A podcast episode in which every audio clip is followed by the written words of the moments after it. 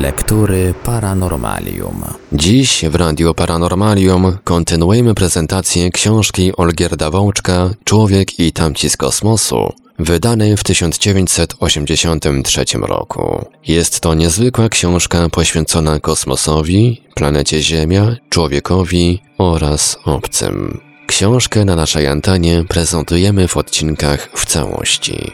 Zapraszamy do słuchania.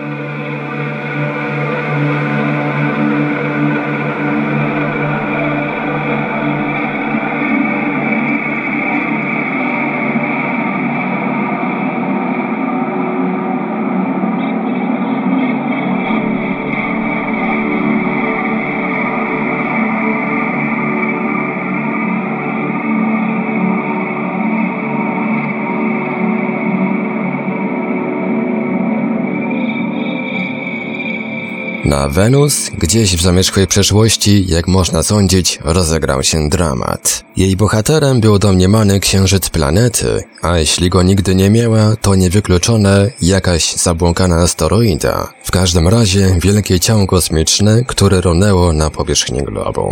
Wydarzenie to było brzemienne w skutki nie tylko ze względu na potworny wstrząs, który musiał ogromnie zdewastować skorupę planetarną. Wenus obracała się kiedyś podobnie szybko wokół swojej osi jak Ziemia.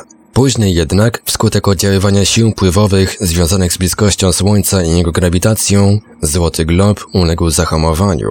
Jego ruch obrotowy stał się powolny. I właśnie potem, jak sugeruje Ward, miało spaść na Wenus owo ciało kosmiczne, uderzając więc skorupę w takim kierunku, że planeta zaczęła kręcić się wokół osi w stronę przeciwną niż poprzednio, niż prawie wszystkie inne. Ruch ten jest bardzo powolny. Pełny jego okres względem gwiazd wynosi aż 243 dni. Stanowi jednak coś nienaturalnego w uporządkowanym świecie Układu Słonecznego. Świadectwo niezwykłego wydarzenia, którego skutki odzwierciedlają się też we współczesnym klimacie Wenus, a być może również w dynamice wnętrza jej globu. Tak, złota planeta jest inna niż Ziemia i przekonano się o tym również, gdy zaczęto zdobywać wiadomości o rzeczywistym wyglądzie powierzchni Wenus. Ponieważ nie było to możliwe ze względu na grubą, zwartą powłokę chmur na drodze obserwacji w świetle widzialnym, wykorzystano do tego celu fale radiowe, które przenikają swobodnie przez najgęstsze nawet obłoki. Jednym słowem zastosowano radiolokację, znaną powszechnie pod nazwą radaru. Wykorzystując ogromne anteny radioteleskopów naziemnych, wysyłano w stronę Wenus potężne wiązki fal, a po odbiciu ich od jej powierzchni i odbiorze uzyskiwano na ekranach aparatury obrazy nierówności terenu. Dane te uzupełniono widokami planety otrzymanymi za pośrednictwem radiowych oczu sztucznego satelity Złotego Globu Pionier Venus 1 oraz specjalnego urządzenia tego próbnika, wysokościomierza radiolokacyjnego mierzącego różnice wzniesień. I na podstawie wszystkich tych wiadomości narysowano pierwsze mapy prawie całej powierzchni Wenus. Naniesiono poziomice i dla większej jasności nałożono odpowiednie kolory. I oto oczom naszym ukazała się planeta mająca góry i doliny, równiny i płaskowyże, ale przecież tak inna, tak zupełnie odmienna od Ziemi, od Marsa, od Merkurego, od Księżyca. Na Wenus nie ma żadnych mórz ani innych otwartych zbiorników cieczy. Nie myślę o wodzie, bo przecież temperatury są tam, jak wiemy, nadzwyczaj wysokie, lecz o różnych odpowiednich substancjach, takich jak smoły czy niskotopliwe metale. Pomimo istnienia jakiejś rzeźby terenowej, miejscami nawet bardzo dobitnej, powierzchnia planety, generalnie rzecz biorąc, jest nadzwyczaj wyrównana. Aż około 60% tej powierzchni odchyla się nie bardziej niż o pół kilometra w górę lub w dół od średniego jej poziomu. Prawie jedna jej piąta wznosi się na pół do półtora kilometra ponad ten przeciętny poziom. W ogóle jednak powierzchnia złotej planety ma niewiele zagłębień, a średnie jej wzniesienie jest nieduże. Ziemia natomiast wyraźnie odznacza się podwójną naturą. Jedna trzecia jej powierzchni to masywy lądowe z licznymi górami, a dwie trzecie znajduje się poza szelfem kontynentalnym. Przypada na oceany i ma dużą średnią głębokość wynoszącą około 5 kilometrów. Kiedy spojrzymy na mapę Wenus, to możemy dostrzec na niej zaledwie trzy, cztery kontynenty. Ziemię Isztar na północy, prowincję Beta w strefie, którą na naszej planecie nazwalibyśmy podzwrotnikową, choć tu takie określenie nie ma właściwie sensu. Ziemię Afrodyty, przy równiku największą prawie o rozmiarach Afryki i ewentualnie bardzo małą prowincję Alfa. Najbardziej interesująca jest ziemia Isztar, nazwana tak od imienia pogańskiej babilońsko-asyryjskiej bogini miłości, utożsamianej później z Wenus. Kiedy do tego kontynentu, którego nie obmywa żadne morze, który po prostu wyrasta z otaczających nizin, zbliżyć się od strony zachodniej, dostrzega się wielki płaskowy Lakshmi o wyjątkowo równej powierzchni. Wznosi się on ponad otaczające tereny aż na 2,5 do 3 kilometrów, do pewnego stopnia podobnie jak Tybet na Ziemi, lecz ma dwukrotnie większą powierzchnię niż jego azjatycki odpowiednik. Płaskowy Lakshmi opada ku południowi stromą skarpą, która ma charakter obrywu. Z pozostałych stron okolony jest wysokimi murami skalnymi. Od zachodu są to góry Akne, od północy wielki łańcuch Frei. Na wschodzie natomiast wznosi się najwyższy masyw wenusyjski, góry Maxwella, którego wierzchołek znajduje się na wysokości 12 km ponad średnim poziomem powierzchni planety, o przeszło 3 km wyżej niż szczyt Chomolungmy, zwany przez Anglików Mount Everest na naszym globie. Poniżej głównego wierzchołka Maxwella otwiera się olbrzymia kaldera o średnicy 100 km, a głęboka na kilometr.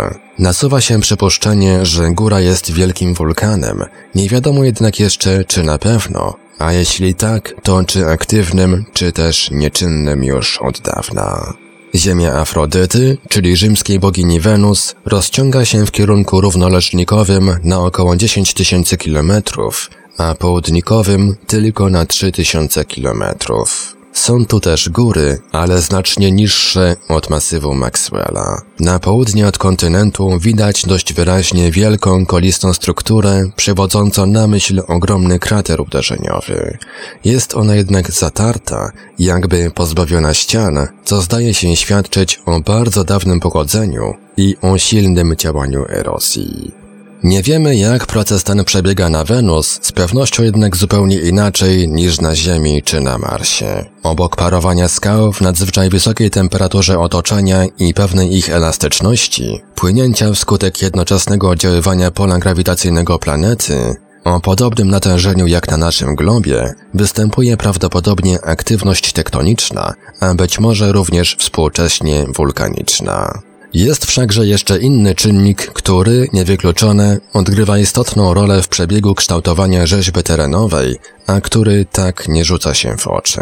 Trzeba oprzytomnić sobie, że płaszcz atmosferyczny Wenus ciśnie na jej powierzchnię z taką siłą, jak woda na dno morskie na głębokości prawie kilometra. Nie jest on jednak nieruchomy. Wieją tam wiatry, bardzo słabe wprawdzie, ich prędkości nie przekraczają 2-3 metrów na sekundę, ale ośrodek jest bardzo gęsty i warunki mechaniczne są podobne jak głęboko w morzu, gdzie prądy wodne mają również prędkości 2-3 metrów na sekundę. Taki powolny ruch wody, lecz pod dużym ciśnieniem, powoduje dostrzegalną i niemałą erozję dna. W głębi Ziemi Afrodyty, w centralnej jej części, powierzchnia skorupy planetarnej jest rozszczepiona. Otwiera się tam ku południowemu wschodowi wielką rozpadliną, kanionem Diany. Ściany jego są strome, dno opada, a z jego zakończeniem łączy się biegnący na wschód następny kanion Dali. Głębokość tych pęknięć, których powstanie wiąże się, jak można sądzić, z aktywnością tektoniczną, podobnie jak to jest z afrykańską Doliną Wielkiego Rowu, dochodzi do 5 kilometrów.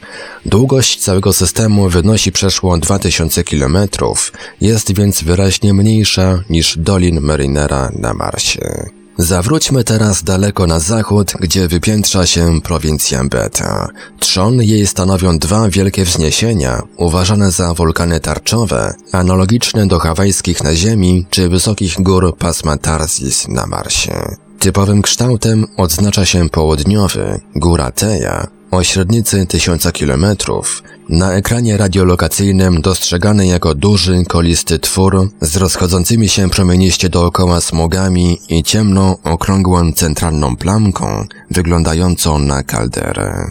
Północna góra Rea jest zniekształcona przecinającą ją przez środek wielką bruzdą, może pęknięciem wskutek aktywności tektonicznej.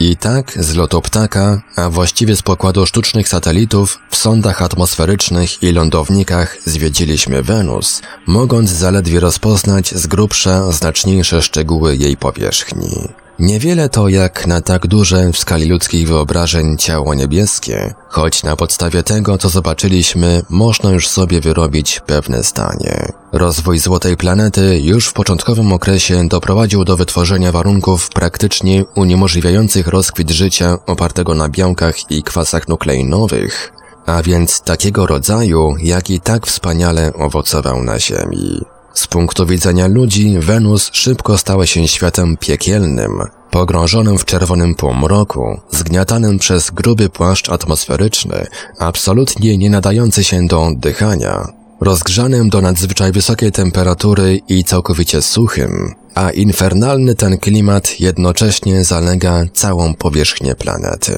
Arcypowolny jej ruch obrotowy i być może brak większego księżyca uniemożliwił ewolucję globu do stadium tektoniki płyt. Rezultatem tych mankamentów jest nadmiernie wyrównana na zewnątrz i usztywniona skorupa z kilku zaledwie cokołami kontynentów.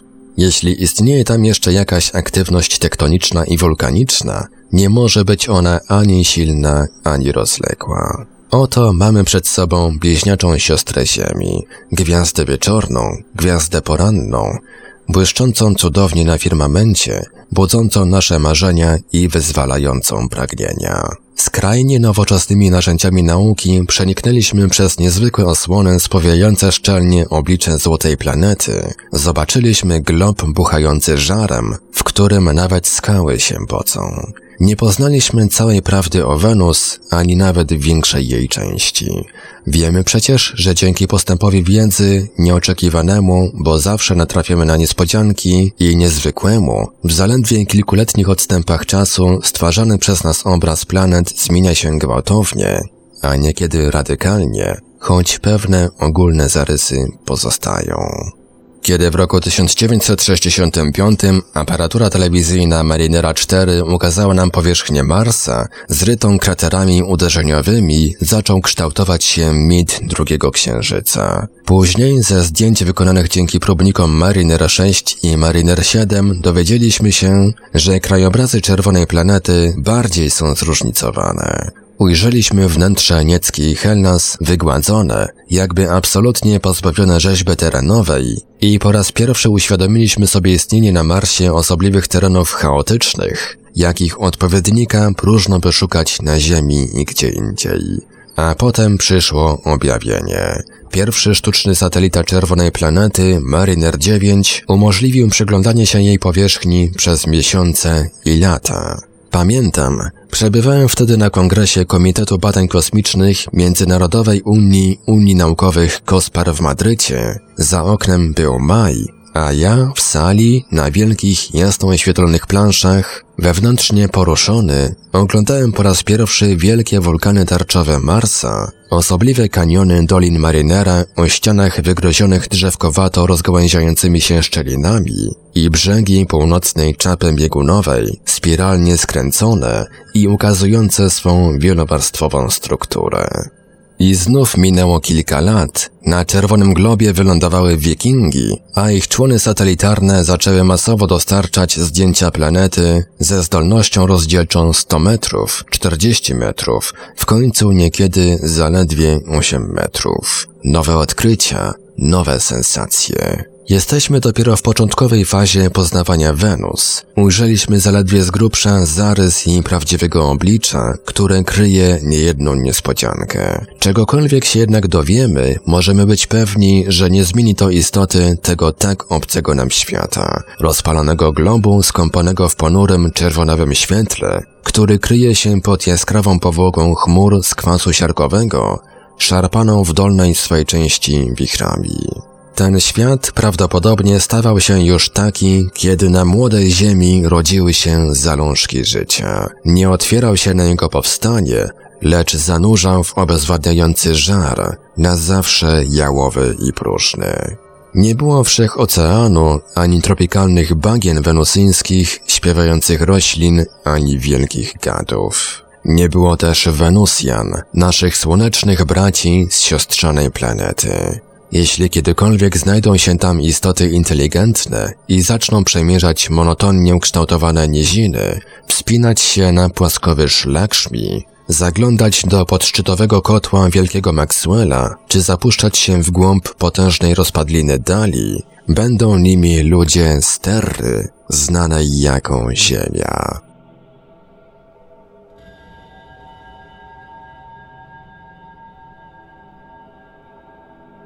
Inne ziemie.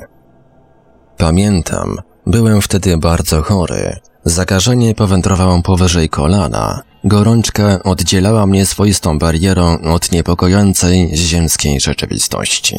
Ojciec nie mówił mi o grożącej amputacji nogi. Przyniósł stos książek, a wśród nich była ta jedna, która odtąd towarzyszy mi wiernie i od czasu do czasu ukazuje dziwny świat. Nierealny, gdy się zaś poważniej zastanowić, nawet bardzo naiwny, a przecież swoiście piękny i romantyczny. Pod oceanem spokojnym tkwi wielki fragment Merkurego, planety radioaktywności, odpychających i przyciągających minerałów, koloidalnej wody, która samoistnie wędruje po podłożu jakby obdarzona życiem. Trzydzieści dni pod oceanem. Nazywała się ta przedziwna epopeja. Autor jej, Francuz, Tancred Valery, nie wyszedł poza schematy tak dobrze później przeze mnie poznane przy okazji lektury niezliczonych utworów fantastyczno-naukowych. Wówczas jednak tego nie wiedziałem, a dziś, wiedząc, że to nieprawda, której grzechem jest jeszcze brak logiki i nieprawdopodobieństwo, odczuwam, wracając do kart powieści, swoisty jej urok, cenię sugestywność wizji wyczarowanej przez talent autora. W owym odłamku Merkurego, o którym pisał Valery, uwięzłym wskutek dawnej katastrofy kosmicznej pod dnem Pacyfiku, nie tylko jednak występowały zadziwiające zjawiska przyrody. Znajdowały się tam również żywe organizmy, Istoty wyglądające jak wielkie owady, o kulistym, lekko spłaszczonym ciele, oczach olbrzymich i trzech parach macek pełniących rolę kończyn. Cytat. Wszystkie zakończone były rodzajem szczypiec o trzech rozgałęzieniach, które dzięki swej giętkości przypominały zwykłe palce czwororękich. Ciało, macki i głowę pokrywała skorupa, połączona za pomocą stawów jak u skorupiaków, ale jedno ogniwo było oddzielone od drugiego sąsiedniego kępką sierści gęstej i krótkiej. Skorupa, która według mnie musiała zawierać chitynę, przypominała skrzydełka chrząszczy, była matowa, prawie wszędzie jednakowej barwy, o szarym odcieniu, jakby przyćmionym i wpadającym w fiolet. Istoty te siedziały przycupnięte i widzieliśmy z daleka, jak palce ich czterech przednich kończyn poruszały się, zajęte jakąś pracą przy długich, prostokątnych płytach rozłożonych na ziemi, pracą, której nie rozumieliśmy. Co za potwory, szepnęła Odila. Tak, są to naprawdę potwory, bo zwierzęta te nie należą do żadnego ze znanych gatunków. Podobne są jednocześnie do owadów, mięczaków, skorupiaków i ssaków. Niech będą czym chcą, zawołał Hewitt. Zbliżmy się. Zaledwie wymówił te słowa, gdy trzy potwory jednocześnie się wyprostowały. Stojąc na swoich sześciu łapach, miały zaledwie metr wysokości i dwa metry długości. Ciało ich wydawało się ciężkie i masywne. Tymczasem, gdy tylko wzrok ich spoczął na nas, natychmiast rzuciły się do ucieczki i zniknęły w okrągłym otworze znajdującym się z tyłu. Co te zwierzęta robiły? spytała Utila. Dlaczego drapały szczypcami te metalowe płyty popstrzone rysunkami? Theodor Randall przeglądał się w milczeniu różnym przedmiotom rozsypanym na ziemi. Błysk radości świecił w jego spojrzeniu. Pani pyta, odrzekł, co robiły te legendarne istoty. To bardzo proste. Pisały. Co? Takie potwory! Zawołałem. Czy widziano kiedyś coś podobnego na kuli ziemskiej? Ale czy pan jest tak zupełnie pewny, że znajdujemy się jeszcze na kuli ziemskiej? Odrzekł chłodno pan Randall. Zarówno autor, jak i uczony pan Randall przeszli do porządku dziennego nad zasadniczym faktem, że żadna żywa istota nie byłaby w stanie przetrwać potwornych wstrząsów mechanicznych i termicznych, jakie musiałyby nastąpić w wyniku zajścia katastrofy kosmicznej. Wyobrażam sobie też reakcje i miny moich kolegów biologów, którym chciano by wmówić, że mogły gdzieś tam powstać istoty inteligentne o ciałach owadów i mózgach umożliwiających rozumowanie naukowe. Jest to taką samą fantazją, jak istnienie ludzi ze skrzydłami poruszanymi siłą ich własnych mięśni i pozwalającymi na wzbijanie się w powietrze, na swobodne latanie. Ptaki mają kości pneumatyczne i wielkie worki wewnętrzne, wypełnione powietrzem. Odpowiednie mięśnie tych zwierząt są nadzwyczaj rozwinięte, gdyż do wznoszenia się w atmosferze potrzebna jest wielka siła, natomiast ich mózgi są przysłowiowo małe. Dajmy jednak spokój baśniowym Merkurianom z 30 dni pod oceanem i spróbujmy spojrzeć na ich planetę z perspektywy astronomów w okresie, kiedy nie korzystaliśmy jeszcze z nadzwyczajnych środków w postaci próbników kosmicznych. Oto obraz Merkurego z okresu sprzed ostatniej wojny światowej, przekazany nam za pośrednictwem plastyka Lucien Rudo. Ogromne słońce prześwieca przez mgły wznoszące się z nad górskiego jeziora. Skały są spękane, u ich stóp piętrzą się rumowiska, ale wbrew pozorom nie jest to kopia wierzchołków karkonoszy czy gorganów. Powierzchnia planetarna ma tu temperaturę kilkuset stopni Celsjusza, a jeziora w dolinie, których lustrzane powierzchnie przezierają przez opary, wypełnione są ciekłym metalem, ołowiem czy rtęcią. W tym infernalnym żarze nie zachował się ślad wody. Dawno, bardzo dawno, przed miliardami lat, uszła, uległa rozkładowi i ślad po niej zaginął. To tu zaiste powinno się mieścić dantejskie piekło, gdzie szatani topią i męczą potępionych nie w roztopionej smole i siarce, lecz w wielkich zbiornikach bulgocących metali. Żywe istoty w ich naturalnych powłokach organicznych nie mogłyby się tu zachować nawet przez chwilę. Po ostatniej wojnie do takiego krajobrazu Merkurego wniesiono istotne poprawki. Uczonym nasuwała się coraz usilniej analogia z Księżycem.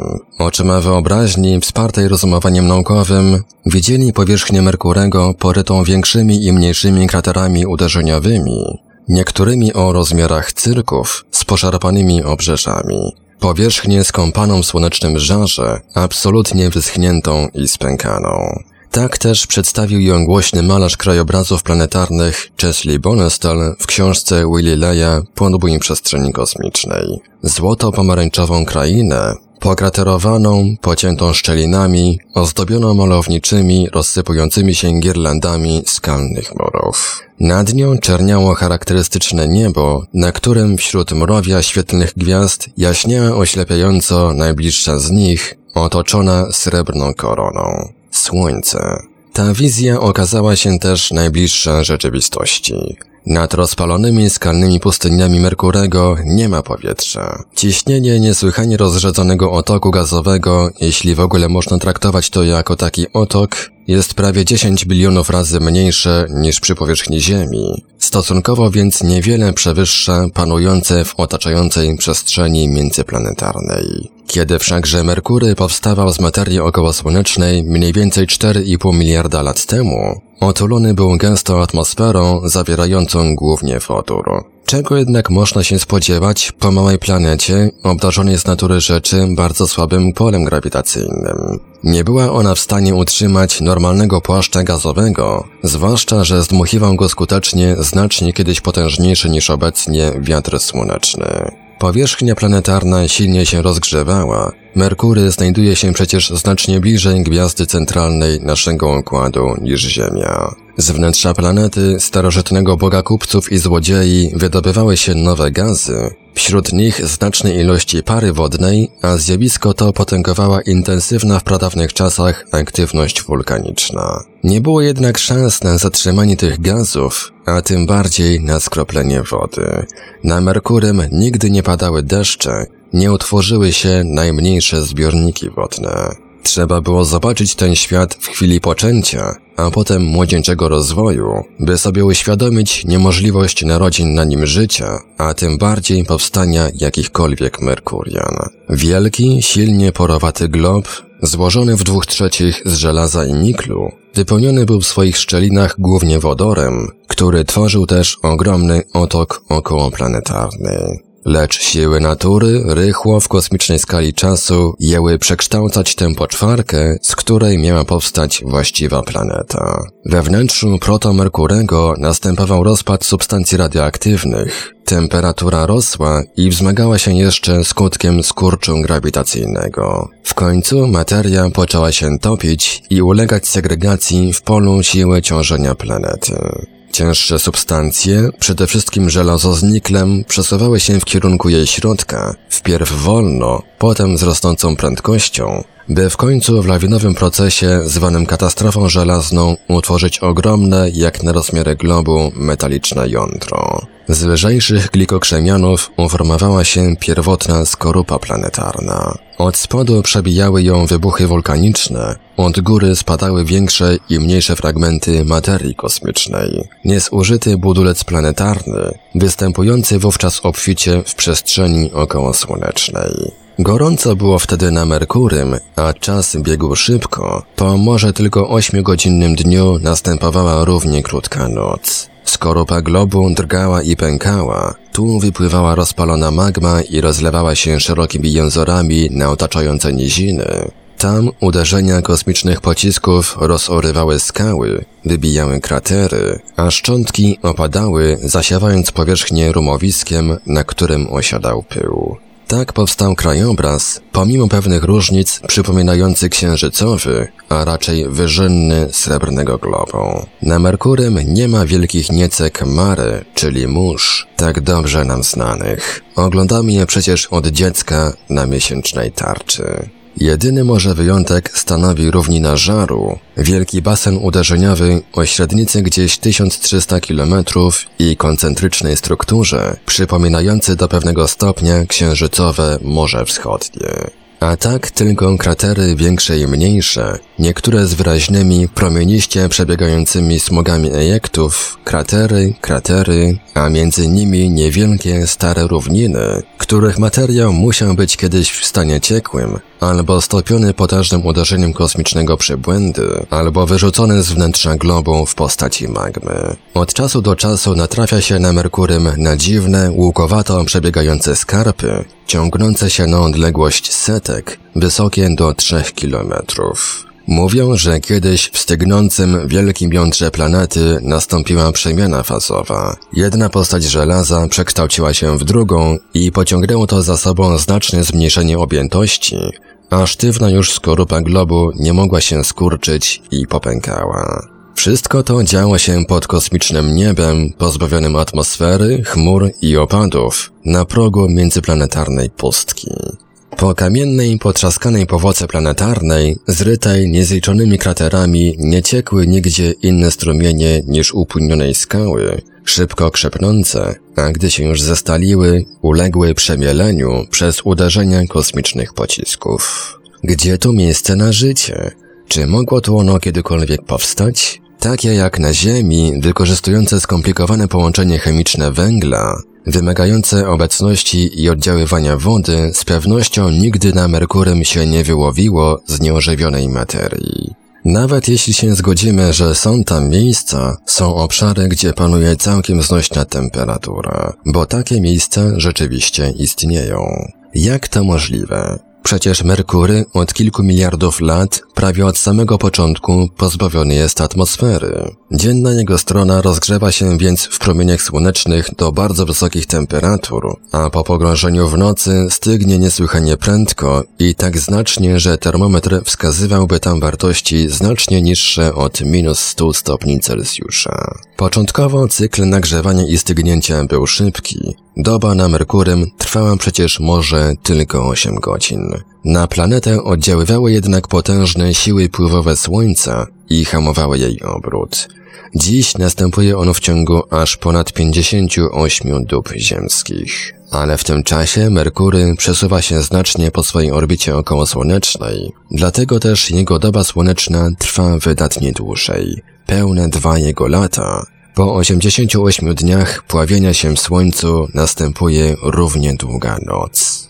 Lecz strona nasłoneczniona nie nagrzewa się równomiernie. Są na niej obszary w pobliżu południków 0 i 180 stopni przy równiku, gdzie temperatura wzrasta najbardziej, osiągając w peryhelium wartości około 425 stopni Celsjusza. To bieguny gorąca. Są jednak również rejony w okolicach szerokości 25 stopni, gdzie, jak można sądzić, w ciągu dnia utrzymuje się całkiem znośna temperatura około 40 stopni. Co więcej, ciepłota podpowierzchniowej warstwy planety w okolicach równikowych jest zawsze wyższa od zera, a na obszarach biegunowych niższa. A zatem istnieją na Merkurym miejsca, gdzie mogłaby się utrzymywać woda w postaci lodu, gdyby się tam zachowała. To jednak ze względu na burzliwą i gorącą przeszłość nie było możliwe. Znajdą się jednak zawsze tacy, którzy będą wytykać jednostronność spojrzenia. Powiedzą, że przecież nie wiemy wszystkiego o życiu,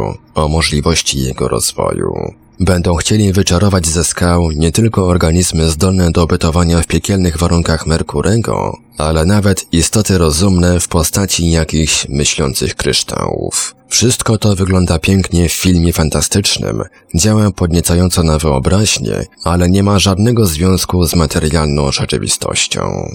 Życie to ruch, a istota inteligentna to nie superkomputer wyposażony w pojemną pamięć i zdolny do przeprowadzania skomplikowanych operacji logicznych. Przyjrzyjmy się człowiekowi, jego niesłychanie długiej i złożonej ewolucji, która w istocie trwała aż około 4 miliardów lat. O jego pozycji i sukcesie decyduje nie tylko mózg, ale również ręka, jego ręce wyposażone w niesłychanie zręczne palce, jakich nie sposób znaleźć u jakiegokolwiek zwierzęcia. Bez tych rąk, a także bez nóg nie byłoby cywilizacji ani kultury, nie byłoby poznania, opanowania i wykorzystania materii Ziemi, nie byłoby odkryć geograficznych i podróży w daleki kosmos. Bez przedziwnie utkanych struktur kwasów nukleinowych, jedynych w swoim rodzaju związków organicznych, nie byłoby przepisu na żywe organizmy, umożliwiającego ich odtwarzanie i w ogóle kontynuację życia.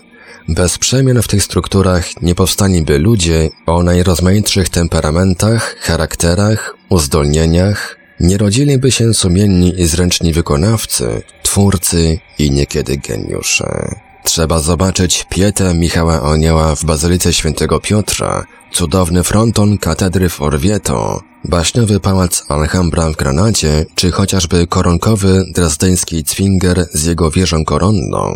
Trzeba zajrzeć do wnętrza sterowni atomowej elektrowni lub zerknąć przez mikroskop na kompleksowy układ scalony, przypatrzyć się przebiegowi operacji przeszczepu serca w nowoczesnym szpitalu, by sobie uświadomić istotę i znaczenie inteligencji, rodzaj i charakter działań, które muszą towarzyszyć myśli, by wcielić ją w materię.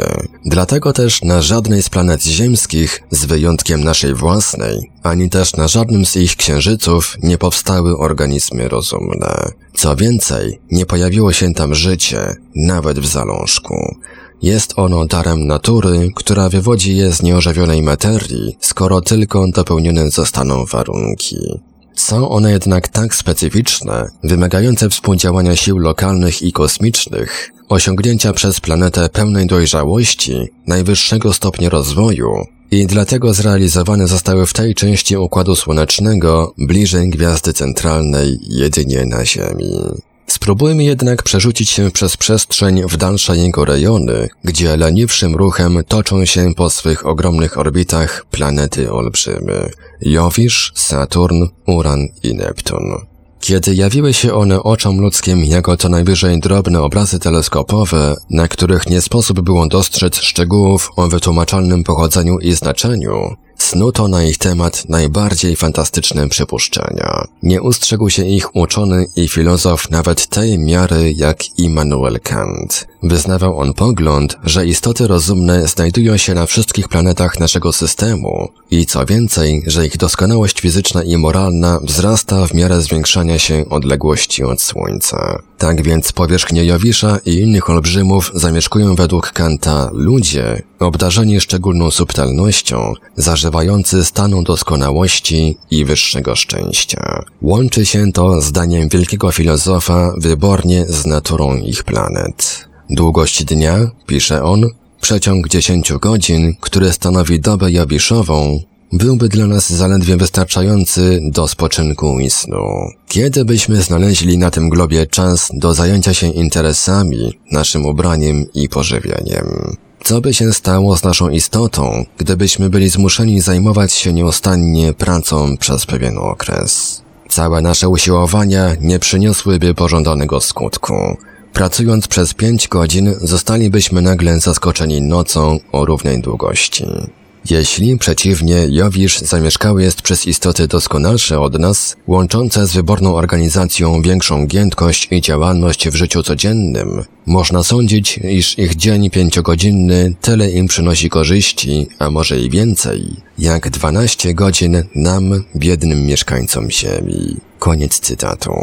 Ten naiwny antropomorfizm prześladuje dosłownie wszystkich, którzy interesowali się poważnie problemem domniemanych mieszkańców planet Układu Słonecznego. Nie uniknął go też słynny szwedzki myśliciel religijny i mistyk Emanuel Swedenborg, o którym można było sądzić, że oddala się najbardziej od ziemskich wyobrażeń. O istotach rozumnych z Jowisza pisze on m.in. cytat Duchy będące na tej ziemi zawiadomiły mnie o różnych rzeczach dotyczących mieszkańców, na przykład o ich chodzie, ich pożywieniu i mieszkaniach.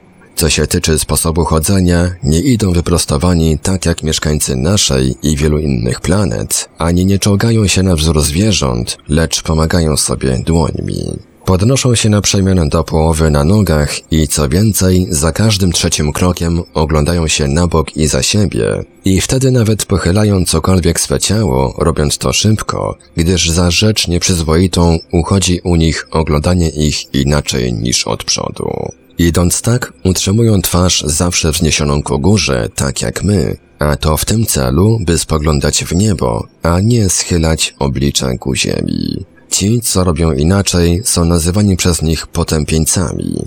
Czynią tak najpodlejsi z nich, którzy jeśli nie przyzwyczają się do podnoszenia twarzy, zostają wypęceni. Koniec cytatu. W naszym rozumowym, choć bynajmniej nierozumnym wieku, takie dziwne enuncjacje odbieramy co najwyżej ze zdumieniem. Dawno też, korzystając jeszcze z obserwacji jedynie teleskopowych, przestaliśmy uważać Jowisza za siedzibę istot inteligentnych. Nasze domysły na temat szczególnej nieprzydatności tej planety do rozwoju biosfery zyskały silne wsparcie w wynikach najnowszych, prawie bezpośrednich badań przeprowadzonych przy użyciu próbników Voyager. Prawdziwym olbrzymem jest Jowisz, Potęga sił, jakie na nim działają, wiąże się jednak nie tylko z wielkimi rozmiarami globu, lecz także z jego szczególną dynamiką, objawiającą się m.in. w szybkim ruchu obrotowym. Chociaż Jowisz ma średnicę 11-krotnie większą niż Ziemia, doba słoneczna trwa na nim prawie 2,5 razy krócej. Swoisty paradoks, mający nadzwyczaj poważne konsekwencje praktyczne, wzmożone jeszcze przez oddziaływania wewnątrzplanetarne. Z głębi globu jowiszowego płynie nieustannie strumień ciepła, niosący prawie dwukrotnie więcej energii niż Jowisz otrzymuje jej z promieniowaniem słonecznym. Tak więc nie Słońce, lecz wnętrze tej planety jest źródłem jej dynamiki. Co za dziwny świat. Składa się w ogromnej masie z wodoru z domieszką około 20% wagowych helu. Czy może więc on być podobny do normalnych planet, takich jak Ziemia, Mars czy Wenus? Nie chodzi oczywiście o skład atmosfery, temperaturę czy klimat, lecz o tak podstawowe sprawy jak istnienie powierzchni planetarnej. Chesley Bonestel malował mroczne krajobrazy jowiszowe pod niebem wiecznie zakrytym nieprzeniknioną dla światła powłoką chmur. Urwiste skały, z których ściekają wodorowe wodospady, wzbijając strumienie rozbryzgów i skłębione obłoki mgły na jeziorach amoniaku. W otworach fantastyczno-naukowych obserwowaliśmy arcydzielnych kapitanów kosmicznych statków lądujących na Jowiszu i niezwykłym wysiłkiem woli przezwyciężających opór swych ciał, ważących tu prawie trzykrotnie więcej niż na Ziemi. Prawda jest inna. Jeśli na Jowiszu jest gdziekolwiek materiał skalny, to jedynie w samym jego środku, tworząc tam stosunkowo drobne jądro. Prawie cała masa planety jest płynna, chociaż w naszych warunkach wodór skrapla się w temperaturze dopiero minus 253 stopni Celsjusza, w silnym polu grawitacyjnym Jowisza i pod ogromnym ciśnieniem jego płaszcza gazowego, wynoszącym tam około tysiąca atmosfer, stanowi płyn.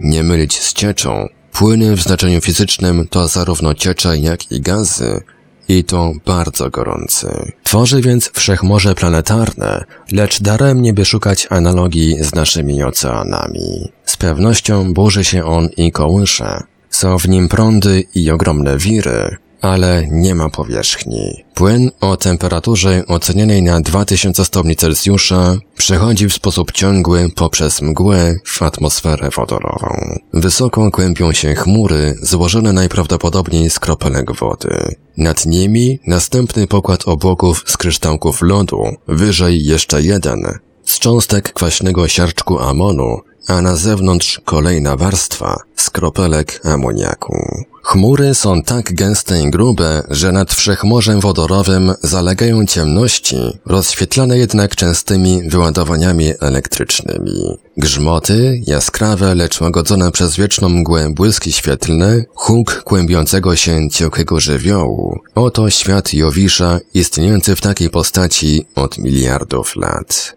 Z wnętrza globu płynie ciągle strumień ciepła, napędzający planetarną machinę. On to miesza nieustannie ciekłe masy wodoru morskiego, powoduje wznoszenie się ogrzanych od dołu gazów aż po szczyty najbardziej zewnętrznej warstwy obłoków, gdzie oziębione zaczynają spływać w dół. Jednocześnie bardzo szybki ruch obrotowy Jowisza nadaje atmosferze pęd w kierunku równoleżnikowym. Rezultatem tego podwójnego oddziaływania jest osobliwy jej podział na jasne strefy i ciemne pasy równoległe do równika. Poruszają się one względem siebie w przeciwnych kierunkach, a prędkości ich dochodzą do ponad 500 km na godzinę. Żaden huragan na Ziemi nie wieje z taką potęgą. Wskutek tak wielkiego pędu ruch mas atmosferycznych często staje się burzliwy. Powstają wiry, im większe, tym bardziej trwałe. Jeden z nich został zaobserwowany po raz pierwszy już z górą 300 lat temu, w roku 1665 przez Giovanniego Domenica Cassiniego. Utrzymuje się po dziś dzień i nic nie wskazuje na to, by miał zaniknąć w przyszłości. To wielka plama czerwona, o rozmiarach znacznie większych niż Ziemia, bezsenne krwawe oko, w którego wnętrzu kłębi się materia obłoczna i zwija w podwójną spiralę.